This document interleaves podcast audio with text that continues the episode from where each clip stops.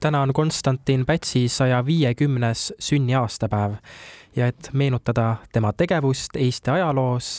selleks on meil külas Eesti Ajaloomuuseumi teadusdirektor Krista Sarv, tervist! tere!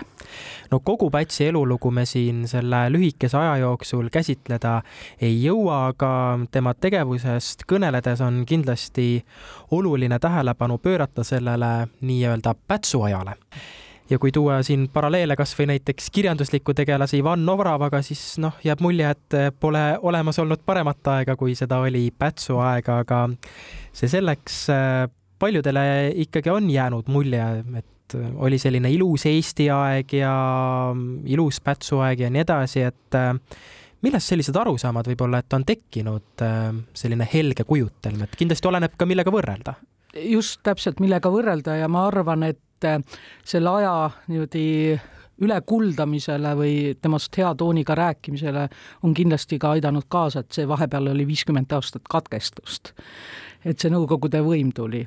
et äh, kui, kui võib-olla seda ei oleks olnud, siis äkki me ei räägiks nii helgetest toonidest sellest ajast, aga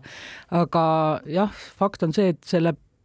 seda vana head Eesti aega äh, kindlasti seostatakse väga palju ka Konstantin Pätsiga, selleks on mitmeid põhjuseid, äh, alates sellest, et ta oli riigi loomise juures ja ja võib-olla ka siis tema nagu nii-öelda kurikuulsamad tahud, et kuidas see, kuidas see katkestus sai tekkida, et mis siis seal Eestis kolmekümnendatel aastatel toimus ja siis see niisugune õhus olev,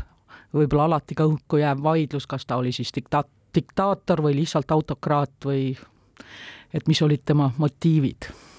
aga see Päts kui autokraat, et see mhm. küsimus, et siin jälle seesama võrdlus, et, ähm, et kui mõelda selle peale, et mis näiteks toimus ähm, kolmekümnendatel Saksamaal, mis toimus Nõukogude Liidus, et äh, siis see, mis võib-olla, et siin toimus, on nagu võrreldes nendega ikka päris leebe jah, ega sellepärast ei kipugi Pätsule andma mingisugust äh, diktaatori tiitlit või midagi, et see see, see, mis viis lõpuks nendele sündmustel, nagu Päts otsustas, et need sündmused peavad olema, ehk siis selle kaheteistkümnenda märtsi nii-öelda riigipöördeni, et need sündmused tegelikult algasid kauem ja ega nad ei olnud Eestis nagu eripärased, et kõik tegelikult algas ka juba kümnendil lahvatanud majanduskriisist, sellest, et majanduskriisid viivad Äh, väga kiirelt ju poliitiliste kriisideni ja Eestis oli tollel ajal üleval põhiseaduse muutmine see oli, see ei olnud nagu tollel ajal poliitiliseks jõud saanud vapside ainus idee, idee, et räägiti, kuidas selline suhteliselt vasakpoolne Eh, rahvale palju võimu, kuid eh, nõrga riigipäjaga eh, riik enam ei,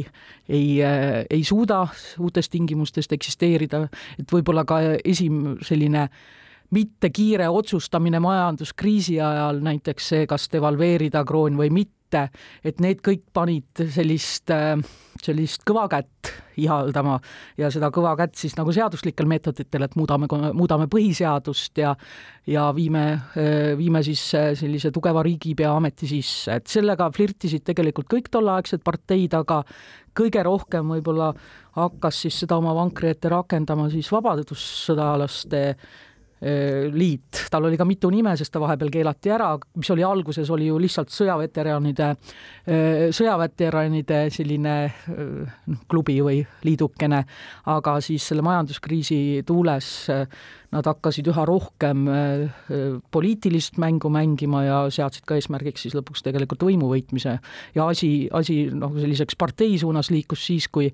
kui otsustati, et Vabadussõja sõdalastega võivad ka liituda siis äh, niinimetatud toetajaliikumis, toetajaliikmetena ka need, kes ei ole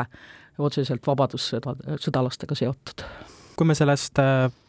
Pätsu ajast räägime, et äh, kellel oli sellel ajal hea elada ja kellel see olukord oli keerulisem, et no kui me võtame mhm. need vapsid, siis no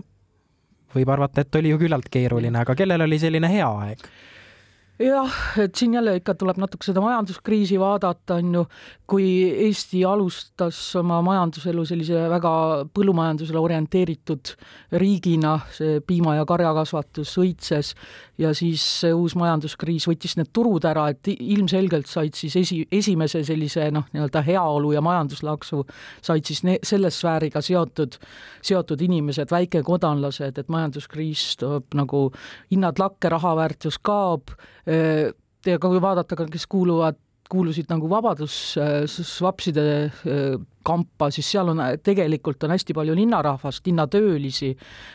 sõjaväelisi, kes kuidagi on elus siis tõmmanud natuke lühema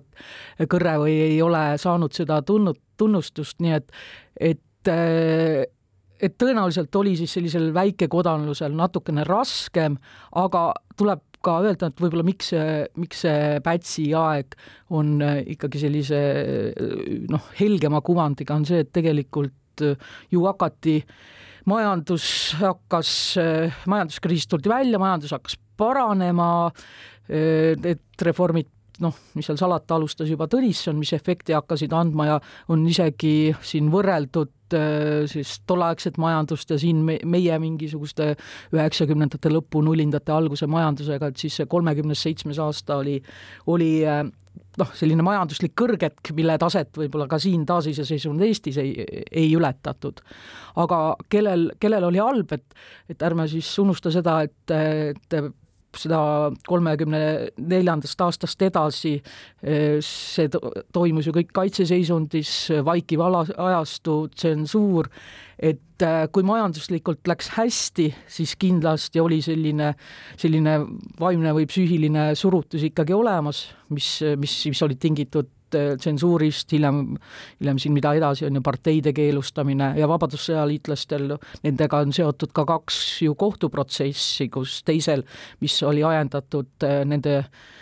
kahtlusest riigipöörde läbiviimiseks, mida nad ka tegelikult ette valmistasid, aga milleni nad ei jõudnud, et sealt mõisteti seal kohtu all sada viiskümmend viis inimest, kes, kellest paljud, paljud ka vangi mõisteti, tõsi, kes juba kolmekümne kaheksandal aastal amnestiat said ja neljakümnendal lõplikult siis said oma tiitlid ja ordenid tagasi, nii et et, et see, see on niisugune jah, väga selline noh, skisofreeniline aeg ühest mõttes, et kui majanduses läheb hästi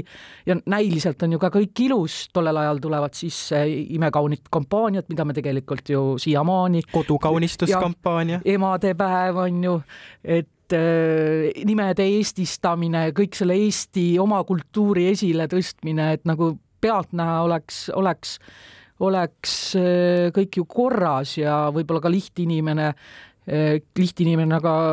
kes võib-olla nägi e-, enne seda pööret ikka see poliitiline turbulents oli ikka päris, päris võimas, et sellest ei räägita eriti palju, et tegelikult juba kolmekümne kolmandal aastal näiteks Jaan Tõnisson korraks kehtestas kaitseseisu Äh, olukorra, kuna siin parteidevaheline võitlus, parteidel isegi olid oma, mõnel olid omad relvastatud salgad, läks nii ägedaks, et tuli nagu pidurid peale tõmmata, aga Tõnisson nagu loobus kohe, kui asi, asi rahulistus, nii et et väga, väga selline mitmekihiline on see aeg, et teda nagu niisuguse ühe mütsi alla, et õh, onnis aeg, ei, ei minu, minu süda ei söanda Konstantin Päts oli Eesti esimene president. millisena me jääme mäletama Pätsi presidendina, et no me teame ka seda kurikuulsat baaside mhm. lepingut, mis varjutab päris palju tema tegevust jah, kahjuks see, see nii-öelda see kolmekümnendate aastate teine pool äh, kaalub ilmselt kõik üles, mis ta on teinud. Ja, ja kuna Pätsi puhul on ka veel see asi, et ega, ega nüüd äh, üleliia palju tema kohta ka sellist arhiivmaterjali ei ole, et tema, tema tegevuse uurimisel on alati mingisugused lõngad, mida, mida siis äh, teadlased saavad, saavad täita, täita ja mida saab,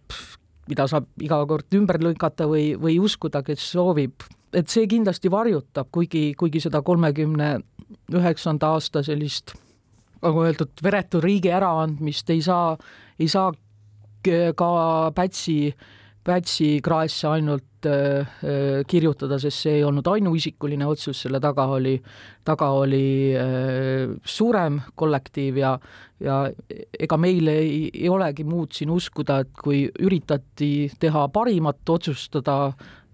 parima olemasolu oleva taju või tunde põhjalt pragmaatilist otsust, kas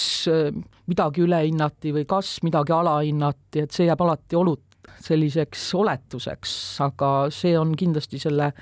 Pätsi aja üks, üks pitser, mis jääb, aga fakti, et ta on esimene president, seda nagu ei võta miski, me võime küll arutada, et kas see presidendiks saamine, mis toimus juba tegelikult selle autokraatia tingimustes, et kui, kui oleks nagu teised tingimused olnud, et kas siis oleks nii juhtunud, aga aga samas ega Pätsi populaarsus ka rahva seas tegelikult tõusis. see vaidlus, et oli see Päts siis õige mees või mitte, no tundub, et see on selline igavesti kestev mm. vaidlus, et äh, vaatasin näiteks ka Konstantin Pätsi Vikipeedia artiklit, seal on ka juures märge, et selle artikli neutraalsus on vaidlustatud. kuivõrd saab üldse Pätsi käsitleda niimoodi neutraalselt või ikka jääb kuhugi selline mingisugune teatav poolehoid või vastuseis? Meil on noh, ajala-, ajaloolased on andnud vande, on olnud objektiivsed ja neutraalsed oma uurimisobjekti suhtes, aga seesama, et noh, mõned ajad tagasi käis vaidlus näiteks Toomas Karjaäärma ja Jaak Valge vahel, kus üks oli leidnud nagu mingi dokumendi ja teine kahtluse ja seadis kahtle alusele, et noh, seesama allikate puudus tingib neid vaidlusi ja ja seesama kriitiline meel nagu jätkab, jätkab neid vaidlusi, et kas mõni dokument on, nii et, et selles mõttes ma arvan, et võib, võib ju juhtuda, et tuleb äh, äkitselt saab jälle mingi järjekordne dokument kujub kuskilt äh, arhiivilehtede vahelt välja, mis, mis annab uu, uusi andmeid, aga et me ei tea. et ma ise arvan, et, et vähemalt juubelipidustustel või vabariigi aastapäevadel see mingi, mingi intervalliga ikka ja jälle tuleb ja ja võib-olla ta ei ole enam nii aktiivses uurimises, aga kuna meil on ka vaba riik, meil ei ole vaikivat ole, olekut, siis võib ju tegelikult iga inimene eh, meie riigis kirjutada raamatud ja arvata, nii et eh, ma usun, et see teema just selles oma, oma nii-öelda nende valgete või mustade aukude olemasolu tõttu pakub ka jätkuvalt inimestele mingisugust sellist väikest erutust. Eesti Ajaloomuuseumi teadusdirektor Krista Sarv, aitäh teile! tänan!